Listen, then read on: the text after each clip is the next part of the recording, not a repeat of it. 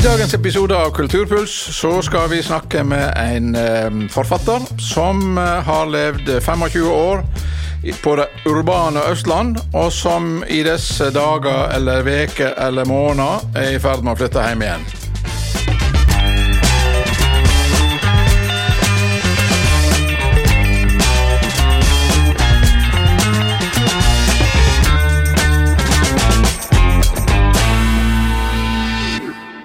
Ruth Lillegraven, velkommen. Tusen takk, Nils. 25 år på det blide Østland, var det nok? Eh, nei, ikke sånn sett. Det var ikke sånn at jeg var lei av uh, Østlandet i seg sjøl. Tvert imot så har jeg rekt å bli veldig glad i Østlandet i grunnen. Og så er det jo ikke sånn at jeg har bodd Jeg bodde først rundt ti år i Oslo, og så har jeg bodd uh, i Bærum de siste tolv av de langt ute i skogen. Så det er jo veldig lite urbant der i grunnen. Men det var jo heller sånn at det alltid har vært en plan å komme hjem igjen, og da må en jo før eller senere rett og slett gjøre det. Ja, ja, ja. Du vet, For oss så er jo Bærum urbant så det er helt, men det er klart at det finnes bygder òg, holdt jeg på å si. Det er nok det. Ja. Bærum Ja. er faktisk ganske likt Voss på en del måter. At det består av mange mindre grender. ja. Ja. Høres eh, bra ut. Og du har trivdes på Østlandet. Men i alle fall så, eh, så har du da eh, nå, eller det får jeg si, du har jo med deg en hel gjeng. ja. Jeg har med meg en mann, og han har allerede jobba her borte et år og pendla fram og tilbake. Så han har jobba i Vegtilsynet siden august i fjor, og Ja. bodd på hybel hos svigermor. Så, så han er på en måte godt eh, integrert allerede. Mer enn mer enn meg, kanskje. Og så har jeg med meg tre unger, da. To Ja. tiåringer og en eh, baby. Ja. Som jeg prøver å bidra til folketallet i Granvin. Den klassiske etterpåklatten. Ja. ja, du sier Granvin, og da er det jo eh, Lillegraven. Da går det ut ifra som til. Ja, hvis du sikter til hvor vi bor, så er det faktisk Storegraven. Dette driver vi litt sånn voksenopplæringsprosjekt overfor gravensere òg, fordi at eh, folk tror jo at vi Eller ikke alle, men mange tror at vi bor på Lillegraven. Uh, og det er en gard som heter Lillegraven, men det er nabogården vår. Ja. Mens den gården jeg kommer ifra, den heter Storgraven. Og på folkemunne så har den alltid blitt kalt Pressgården, mens Lillegraven, nabogården, blir kalt Skrivergården, for der har holdt sorenskriveren til i gamle dager. Mens presten, han, som holdt til i Ulvik til daglig, når han var i Granvin, så bodde han eh, på vår gard, og i det huset som jeg driver og restaurerer nå. Så ja, dette her er Lillegraven, Storgraven og Pressgarden og Skrivergarden er litt vanskelig eh, for folk å holde styr på, men jeg, eh, det har jeg gjort til en kampsak at jeg skal prøve å Så nå får jeg jo sagt det her og nå, ikke bare til deg, men til alle de som hører på. Men det er rett og slett et litt eh, fornemt eh, område du flytter inn i nå, da, med prestegard og sorenskriver. Ja, det er jo det, fra, fra gammelt av. Det skal sies at min slekt eh, har tilhørt hovedbruket på den gården, og de var jo eh, relativt eh, Altså helt eh, vanlige bønder, hvis det går an å si noe sånt. Mens eh, på det Vetla bruket som huset som nå restaurerer, står, det har tilhørt staten og kommunen, og der har det vært alt mulig rart. Det var en kapellan som kom flyttende med huset og satte det opp antageligvis i 1783, har vi funnet ut. Og så har det vært presteenkesete, en sånn finurlig ting eh, å tenke på nå. De samla de presteenkene i et slags kollektiv. Det har vært På der jeg skal ha som kontor, så har det vært formannskapsmøte, og presten overnatta på det rommet når han var var i bygda, ja. Og så har det vært skole i 60-70 år, i det vi skal ha som stove. Så det er masse historie i det huset som Ja. ikke egentlig tilhører min slekt eller min familie, da, men som det er veldig kjekt å få lov å være forvalte videre, da. Så når du får tid innimellom forfatterskap og barnepass, holdt på si, så kan du drive litt omvisning på bruket, kanskje? Ja, eh, jeg har iallfall tatt meg sjøl i at eh, Thomas som jeg er gift med, jeg, at vi stadig vekk eh, drar folk liksom nærmest inn i det huset og tvinger de med på en slags sånn omvisning der vi forteller om dette rommet sånn og sånn, og historien her sånn og sånn, og her har vi gjort sånn, og her skal vi gjøre sånn, og Og så veit jeg jo ikke om det er alle som syns at det er så spennende. Men jeg merker at jeg har veldig sånn formidlingsbehov. Det merker sikkert Ja. du òg nå. Ja, ja. At jeg syns det er veldig kjekt å prate om dette huset, da. For hver dag og måned vi driver med det, så blir jeg bare mer og mer opptatt av det.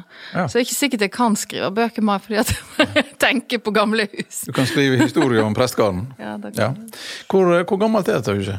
Eh, Vi fant et sperr oppe på loftet i fjor når vi tok av taket, der det sto innrissa et bumerke og et årstall, og der sto det 1783. Da det er faktisk første gangen Far min har alltid trodd at det var satt opp en gang på den tida, men da fikk vi på en måte årstallet.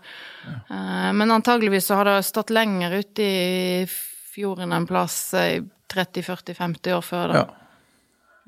Det var jo helt vanlig eh, Det var gjenbruk eh, også av hus som var helt vanlig. Ja, tenk på det. De flytta jo hus. De tok Ja. de bare ned og Ja. flytta de med seg, satte de opp igjen. Veldig fleksibelt system i grunnen med disse tømmerkassene. Mens nå har vi jo den tømmerkassa som mer eller mindre lå rett på bakken, den har vi jo nå måttet feste til bakken med litt eh, sement. Sånn er det jo. Ja, ja, ja, ja. Så nå er det jo på en måte bardunert fast til grunn for evig og alltid. Nå er det ingen som kan flytte på det. At, eh, Mm. ja, men det er en, en god følelse, da.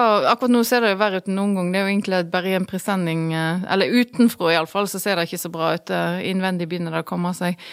Men det er en god følelse å være med på å gi et sånt eh, gammelt eh, kråkeslott eh, nytt liv, da. ja. Nok om hus. Nei! Nå skal vi snakke litt om eh, forfatteren eh, Ruth Lillegraven. Ja. Du er vel ute med ei ny barnebok så ikke så lenge siden? Ja, det kom, jeg har drevet med en sånn barneserie som heter Klodeklubben. En sånn Ja. miljødetektiv, eller en detektivserie fra ei sånn lite bygd, som til forveksling likner Granvin i grunnen. Eh, og de driver med sånn krim- og miljøsaker som er jo litt i tiden, og veldig viktig, syns jeg. Men iallfall så kom bok fem ut nå nylig. Den hadde jeg faktisk skrevet ferdig i fjor høst, men så Ja. i mellomtida hadde den vært til tegning og ja.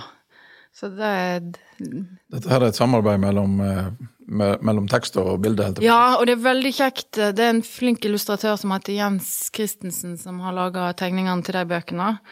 Og så er det ei som heter Mari Kanstad Johnsen, som tegner til barnediktbøkene mine. Og da må jeg si er noe av det kjekkeste med å være forfatter når en jeg, jeg føler jeg har vært så heldig hele tida å få samarbeide med så flinke folk. Altså disse to superflinke, veldig prislønna illustratørene, for eksempel. Men òg eh, Altså, mye flinke musikere. For eksempel et par lokale som Ranveig Gjønne og Anlaug Børsheim og Benedicte Maurseth har jeg jobbet med. og på, på vei hit i stad så hørte jeg på episoden din med Børsheimene i Ulvik, og der har jo eh, De har jo eh, skrevet Husmann eh, musikkteater for. Og Ja. Torkjell som, som driver der nå, som er kjempeflink danser, han han kjenner jeg jo godt. Og ja, det med å- Det høres så pompøst ut, men å få samarbeide med andre kunstformer ja. Og skuespillere har jeg òg hatt veldig mye med å gjøre. Og det er på en måte det som, som virkelig eh, gir litt sånn vitamininnsprøytning i skrivehverdagen, da. Ja, for det å, å skrive er jo et ganske ensomt eh, liv. Det er jo det. Først ble jeg alltid irritert når folk sa det der. Jeg syns det var litt sånn klisjé. Og så- Og fordi at jeg hele tida har vært så mye ute på farten og oppdrag og Men til sjuende og sist så er det jo sant at eh, alle de dagene der en sitter aleine og baler med stoffet sitt, så er en jo på, på egen hånd. Og, og en er jo òg på egen hånd som sin egen arbeidsgiver, selv om en har masse kjekke folk. Så Så ja. Men da har jeg jo en idé til deg, og det er jo å skrive musikkdrama om prestgarden. Ja, kanskje det. Ja. Men jeg tror ikke jeg orker Jeg tror ikke jeg orker Ikke nett nå, kanskje, men når du har fått litt flytteprosessen litt på avstand. Men du vet, da er neste steg at en skal, at en skal være sånn eh, vertskap for noe som eh, Jeg tror ikke jeg skal begynne å bli Grammensvar på Johan og Toril Børsheim. Det er litt eh, Kanskje du kan legge deg inn? ja, kanskje det. Nei da. Men uh, ja, der fins det heldigvis mange kjekke, kjekke folk å samarbeide med, da. Ja. Um, men så er det jo noe med at uh, du er jo en slags uh, litteraturens Dr. Jekyll og Mr. Hyde. I den Schizofren, mann. uh, Ja, det, jeg tenkte på det ordet, men så tenkte jeg nei, la meg ikke si det. Men, men fra barnebøker og til thrillere, der du oppsøker det mørke i menneskesinnet, og eh, ganske mørke tema, egentlig. Um, hvordan henger dette her sammen? Nei, helt ifra starten av så har jeg jo tenkt at jeg har lyst til å gjøre flere forskjellige ulike ting. Og når jeg debuterte, det begynner å bli ja, 17 år siden, så hadde jeg jo plutselig, eh, for å si det på godt norsk, accidentally skrevet ei bok. Det var egentlig ikke noe planlagt. Da kom det ei diktbok som heter Store stygge dikt. Men så bestemte jeg meg liksom for at da måtte jeg gjøre noe helt annet. Det var jo litt fjasete når jeg tenkte på det i ettertid, men da var jeg jo helt sånn besatt av at jeg skulle skrive en roman. Ja. Og så gjorde jeg det. Og, og den er jo Det er en roman, men den har òg litt sånn krimtrekk ved seg, og at det er hemmeligheter som blir avdekka. Og, og omtrent på den tiden den kom ut, så begynte jeg òg å skrive barnebøker. Og så hadde den bare Hele tida hadde jeg den der litt hemmelige drømmen om å eh, prøve å skrive krim en gang. Som Ja, så for fire år siden så kom eh, første krimboken min ut, da. Som heter Alt er mitt. Og så har jeg jo fortsatt å skrive dikt ved siden av det, i grunnen. eh, så jeg tenker på meg litt som ei sånn poter som driver med ulike ting, da. Ja. Og at tross alt så er jo all skriving beslekta på et eller annet vis. Og det handler jo om å bruke et godt språk og fortelle fortellinger og um. Men det er klart, av og til så kan en føle seg litt uh, Det der er schizofrenordet. Jeg har brukt det at forfatterskapen min er litt sånn sprikende. Og av og til så kan jeg bli litt lei av det òg, at det liksom At det flakser rundt ifra det ene til det andre og aldri liksom føler at jeg helt uh, har tid til å fordøye meg fullt, eller fordype meg, heter det vel. Helt og fullt i noe, da. Så da kan jeg av og til sakne å, å bare jobbe med én ting lenge og ha god tid med det, og ja. Det er den drømmen vi ber på, så videre. Det er jo um, Altså, nå merker jeg meg at du brukte begrepet krim. Mens forlagene de elsker jo å skille mellom thriller og krim, eller spenningsroman og krim. Hvordan definerer du eh, disse her bøkene? Altså Forlaget vil vel definere dem som eh, spenning eller, eller thriller, vil jeg tro? Psykologisk thriller står Ja. det utapå de to bøkene som jeg har skrevet, og da har jeg vært med på å bestemme sjøl, og vi har diskutert litt fram og tilbake, men jeg tenker jo at psykologisk thriller er en sånn subsjanger under, eller innenfor krimsjangeren, da. Så jeg tenker jo òg at de er krimbøker, men, men at uh, psykologisk thriller er bare en måte å si at det er litt, kanskje litt annerledes enn uh, tradisjonell politikrim, eller det er ikke en grøsser, eller altså bare uh, en slags sånn rettledning for, for leseren, på en måte. Og så er de òg De er jo veldig grenselandet til, til det jeg vil kalle vanlig roman, eller skjønnlitteratur, eller det er iallfall der jeg har likt å operere, da, og tenke at de er litt sånn crossover, at det er krimmen møter den vanlige romanen, og så oppstår det et eller annet der, da. For eh, i dine bøker så er det jo ikke på en måte et tradisjonell, tradisjonelt mysterium som skal løses, eh, der politiet er liksom de som løser, eller en privatdetektiv eller en journalist, eller Det er jo en del sånne, sånne klisjéfigurer som dukker opp i kriminalromanene som er, er hovedpersonene. Her veit du jo på en måte hvem som hvem som er, er the bad, the evil and the ugly. Eh, men, men eh, du har jo gjort det Jeg vet ikke om det lenger er uvanlig grep at det er en kvinnelig figur som er på mange måter den, den eh, vonde makta her, da. Ja, nå må ikke du røpe for mye, da, for deg. Nei, nei, men altså Det er jo heldigvis, eller uheldigvis, ikke at eh, alle har lest disse bøkene ennå. Jeg håper jo at eh, flere vil, eh, vil lese de etter hvert òg. Men, men eh, ja, du har helt rett. Jeg tenkte jo at jeg ikke ville skrive en sånn type eh, klassisk politietterforskerkrim. Ikke for at det er noe galt med det, men for at da er det mange som gjør veldig bra eh, fra før. Og så, på den tida jeg begynte å skrive den første boken, årene går jo, da var det på en veldig liten grad sånne psykologiske thrillere her i landet. Det var kanskje mest Det nærmeste var Karin Fossum sine veldig gode bøker. Men, eh, men ja, jeg ville ta utgangspunkt i, eh, i, i, en, i tilsynelatende helt vanlige folk sine liv. Og så viser seg jo kanskje at de ikke er så vanlige etter hvert allikevel.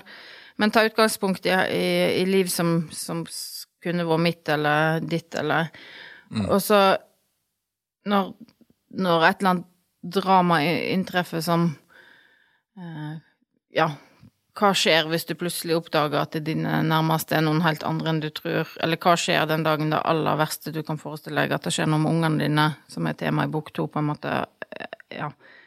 Eh, så det er den type spørsmål jeg har stilt meg, da. Ja. Og så prøver jeg jo å finne en sånn balanse mellom at det skal være spennende, og så vil det jo alltid variere hva folk syns er spennende. Noen syns disse bøkene er fantastisk spennende, noen syns ikke de er spennende i det hele tatt. Og sånn vil det jo alltid være. Ja. Men en, eh, som forfatter i den sjangeren så prøver en jo å jobbe mot at det skal være spennende. Og så skal det helst føles viktig på et eller annet nivå, da. At en eh, underveis tar opp en eller annen tematikk som ja som en syns er interessant eller spennende eller viktig sjøl. Men så, så, er det jo en slags form for underholdningslitteratur, og vil jo at folk skal, skal kose seg med det. ja. ja. Så benytta jo jeg litt sånn at jeg hadde jobba som taleskriver i, i 28 år i Samferdselsdepartementet. Ja. Fikk jeg endelig brukt det til noe. Sånn det er jo ikke så eh, overvettes mye samferdsel her, da, men Det er det ikke, men, eh, men hun Klara, som er hovedpersonen min, hun jobber jo som eh, Eller først så er hun i begynnelsen av første bok er hun byråkrat, og så etter hvert så blir hun statssekretær, og til og med når første bok starter, så er hun blitt justisminister. Og det Eh, å plassere det miljøet hadde jeg nok kanskje ikke kunnet gjort hvis jeg ikke hadde vært så mye i det sjøl, på en måte. Nå begynner det å bli så lenge siden at jeg føler at alle husker ingenting av det lenger. Jeg husker etter at vi møttes når jeg hadde lest første boka di, så skrytte jeg hemningsløst ja. av et grep du hadde gjort, eller som gjorde, med å la den kvinnelige hovedpersonen snakker sin dialekt, eller tilnærma dialekt, nynorsk. Mm. Uh, hun kommer jo da fra en plass som uh, igjen uh, kanskje minner litt om Granvin, eller ja, området i fjorden iallfall. Jølster eller et eller annet. Ja, ja. Grønn fjord. Du skal flytte opp en fjord, du, ja. Akkurat. Litt oppi der. Ja, Mens mannen hennes er østlending og snakker da Når han snakker, så er det østlands, eller er det bokmål. Ja, og det er jo ikke bare Ja, kapitlene er skrevet på vekselvis nynorsk og bokmål, ja, så det er ikke bare replikkene, men hele nei. Mm. Og så kommer du da, og jeg skrytter veldig av det her, for jeg synes, og det oppdager jeg etterpå at det var mange andre som òg skrytte av det. Men så kommer du da til bok to, da du plutselig har jeg tror jeg talte opp, jeg tror du har sju forskjellige stemmer som snakker og, og forteller her. Og da tenker jeg at nå nærmer hun seg eh, ekstremsporten her. for det, nå, nå. Men det var flere enn de to i første bok òg. Ja. Uh, altså det er vel omtrent like mange fortellere, de to bøkene. Men, men i, i, eh, bok to så har på en måte ene sønnen til Klara overtatt den der uh, hovedstemma som faren ja. hadde i første bok, da. Mm. Var jo, det var jo faktisk ikke min idé engang å gjøre det. Det var min gode redaktør på disse bøkene, Aslak Nore, som sjøl er forfatter. Mm. Og når han først eh, foreslo det, så fnyste jeg bare av, av det og avfeide han og syntes at det var veldig fjasete. Men så på et eller annet tidspunkt så ga jeg det en sjanse og prøvde, da. Og så, så syntes jeg egentlig det var litt artig å holde på med. jeg, har aldri omtrent skrevet bokmål som forfatter. Jeg er ikke sikkert jeg kommer til å gjøre det igjen etter disse bøkene heller. Men, eh, men det var noe slags nesten sånn rollespill en gikk inn i, da. Og så ble, Poenget hans var at det ville gjøre det enklere å skille de forskjellige stemmene fra hverandre. Mens jeg hadde jo sånn kvaler, både litt sånn der eh, svikt av nynorsken og hva vil folk si, og mm. Det var ikke måte på. Så viste jeg som du Altså, det var, jo, det var jo som du påpekte, ikke bare du, men det var jo ikke måte på hvor mye skryt en fikk for akkurat det grepet. Det var ingen som har hatt noe negativt å si om. Ah.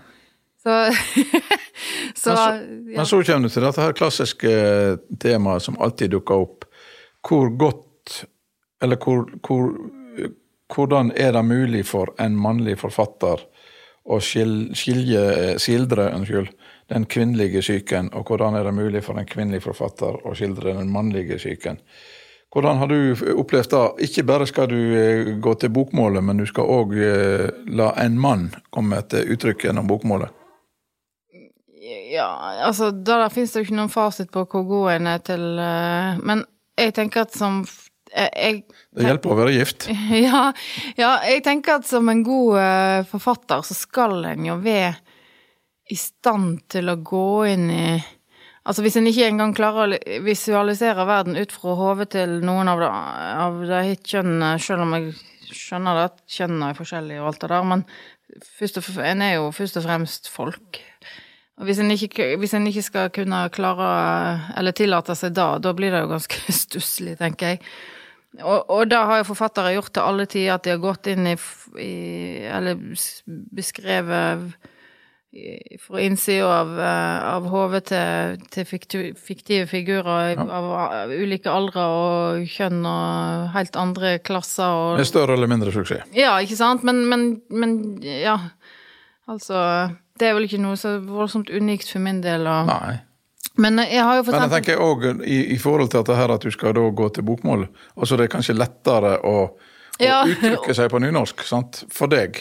Ja, på et vis, og samtidig så er det kanskje nesten enklere hvis en først skal stable på beina en sånn der eh, uh, Det jeg ærlig talt syns var vanskelig med han mannen til Klara, da, som er østlending, var jo at han uh, var jo ikke at han var mann.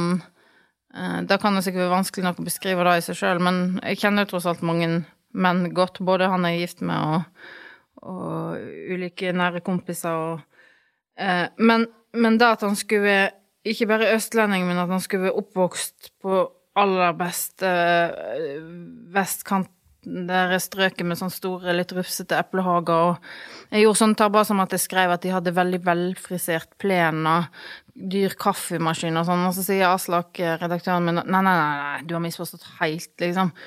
Jo, han er oppvokst i Oslo, ikke et sånt strøk, men ikke så langt unna heller. Bare sånne, sånne folk som det der, de de vil ikke ha en sånn velfristert eh, hage det blir regna som litt harry. De har sånn halvshabby greier, liksom. Og ja. for all del koke kaffe. Ok. Så det var sånn uh, Ja, og sjargong og altså, så, så, så, Det var veldig nyttig å ha Aslak med på laget på, på det der, altså. Og mye annet òg, for all del. Er ikke det betryggende at du ikke kjenner miljøet der for godt?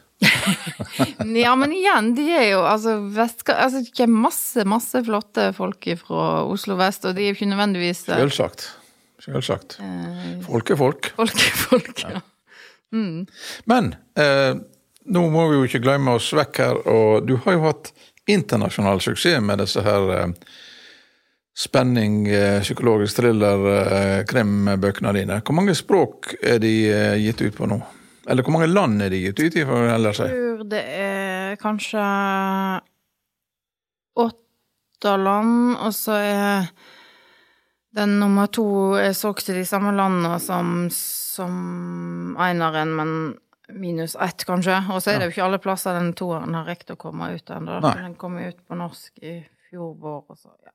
ja. Men ja, internasjonal suksess Jeg har iallfall vært så heldig å bli oversatt uh, til en del språk. Og så er det jo noen land disse bøkene har gjort det veldig bra, og så er det noen plasser så, Sånn er det vel sikkert alltid, at de bare kommer ut uten at det blir så mye virak.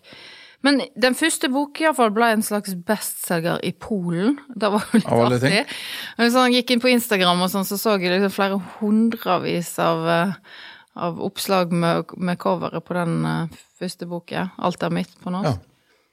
Eh, mens veldig gledelig og artig i Italia De var et kjempeflink forlagsdame på det italienske forlaget. Et lite forlag, tror jeg, i grunnen. Men um, for øvrig en veldig flink oversetter som, som er, har bodd i Bergen i flere perioder. Men, men der ble jo både intervjua i bøtte og spann, riktignok stort sett digitalt, da, eller bare digitalt. Ja. Eller, og har vært eh, Og fått masse anmeldelser som har vært veldig positive og Men der er som Det er liksom nesten jeg ikke kjenner igjen boken når jeg leser Hvis jeg prøver å Google Translate disse anmeldelsene og sånn. Det gjelder både Spania og, og Italia, sånn at de, de, tar det på en måte mye mer på For det første så tror jeg ikke det er det samme skillet i mange andre plasser, men her er mulig det er bare meg, men jeg oppfatter at iallfall i litterære kretser så blir krim sett på som litt sånn annenrangslitteratur. Hvis det i det hele tatt blir sett på som litteratur. Det var nok det her òg, ja. Ja, ne, sånn er det enda, tror jeg. Iallfall i mange uh, såkalt litterære kretser, da. Mens der blir det Har jeg inntrykk av, via min veldig begrensa erfaring, sett på som som litteratur på linje med annen litteratur, og så veldig sånn seriøse anmeldelser der en eh, der, Disse bøkene handler jo, første bok, om, om dette ekteparet og de hemmelighetene de har for hverandre, og, og på en måte samlivet mellom dem. Eh, men det handler jo òg om, om, barnemishandling og skyggesider i det norske samfunnet, og da var de veldig opptatt av det, og de var veldig sånn Hæ? Fins det barnemishandling og familievold og sånt i Norge? Og, og har det integreringsdebatt og fremmedfrykt og Og jeg eh, sa ja, selvsagt har vi det. Og så Det har jeg vel overalt. Men de hadde Altså, ja, men det lever jo i velferdsstaten Norge, det er jo verdens beste land, og Altså Så sånn eh, Ja. Dette har jeg fått masse spørsmål om både av spanske og italienske journalister, så det er helt tydelig at eh, vi har iallfall et, eh, et image der ute som ekstremt velfungerende og uten, uten noen problemer om det. Ja.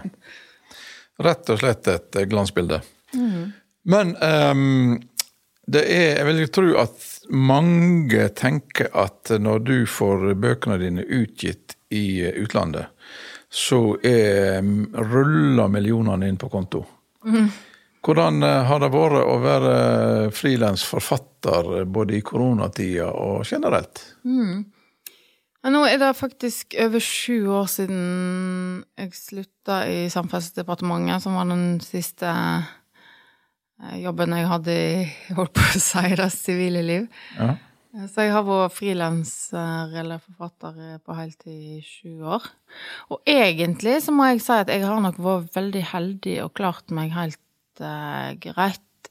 Uh, og jeg drev med mye forskjellig òg. Både barnebøker og voksenbøker og teater og, mm -hmm. og mye sånn oppdrag uh, rundt omkring. Så jeg uh, Og har liksom hatt mye å gjøre hele tida. Men det er klart at sånt, sånt går opp og ned for min del òg, og, og, plutselig så Så nå er jeg vel kanskje inne i en sånn periode der jeg ikke helt ser for meg hvordan det blir framover.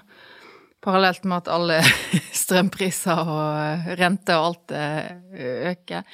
Men, eh, men, så skal det sies at det, eh, det er når meg Jeg har vært kjempeheldig som i det hele tatt klarer å, har klart å livnære meg av dette, da. Og vel så da. Mens, mens, det er veldig få forfattere som er så heldige. Veldig mange må skrive ved siden av jobb, og ofte full jobb òg, og klare det. Og det er jo veldig Nå husker ikke jeg lenger hvordan, hvordan en gjorde det. Altså hvordan folk klarer å skrive den ene boken, gode boken til den andre ved siden av eh, full jobb og familieliv. Det skjønner ikke jeg helt uh, lenger. Men, uh, men det er ikke Folk Jeg tror at stykk der folk får betalt for å skrive ei bok sånn i utgangspunktet, hvis ikke den selger masse, er veldig mye mindre enn eh, en kanskje folk tror. Ja. Uh, og hvis du deler den uh, summen på antall år og antall timer, så blir det veldig lite. Så mange forfattere livnærer seg jo av andre ting, som da å gjennomføre samtaler, opplesninger og sånne ting. Og, ja. og ha andre bein å stå på. Mm. Og i så måte, når du snakker om strømpriser og sånt, så er det jo ikke akkurat noe sjakktrekk å flytte fra eh, Bærum mot eh, Hardanger, for at eh, prisene er stort sett samme. Ja, men vi har, vi har Det er ikke at det var gratis, men vi har lagt inn jordvarme. Ja.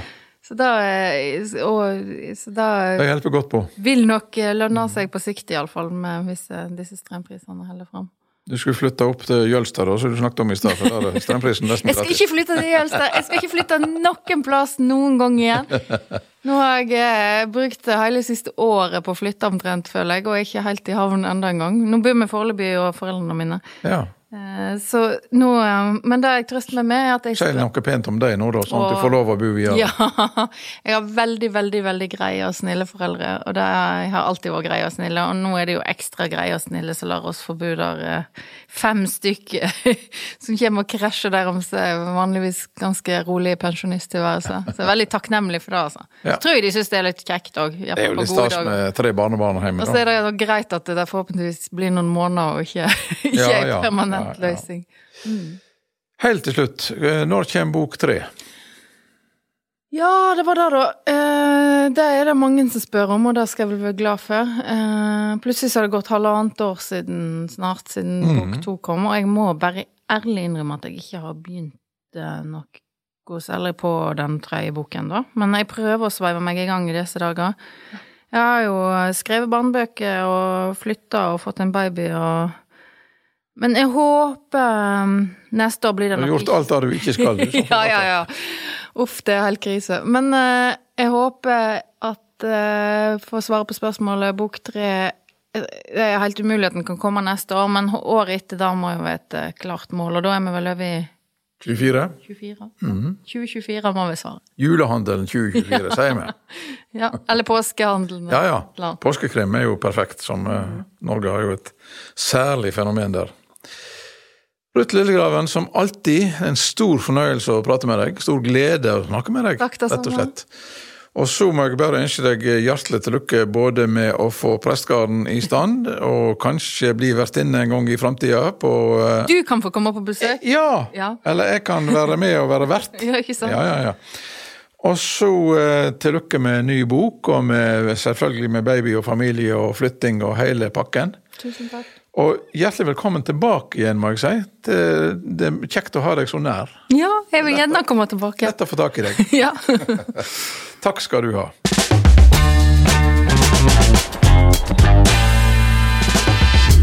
Det var dagens episode med Ruth Lillegraven, og da er vi kommet så langt at vi nok i neste episode skal snakke om Osafestivalen.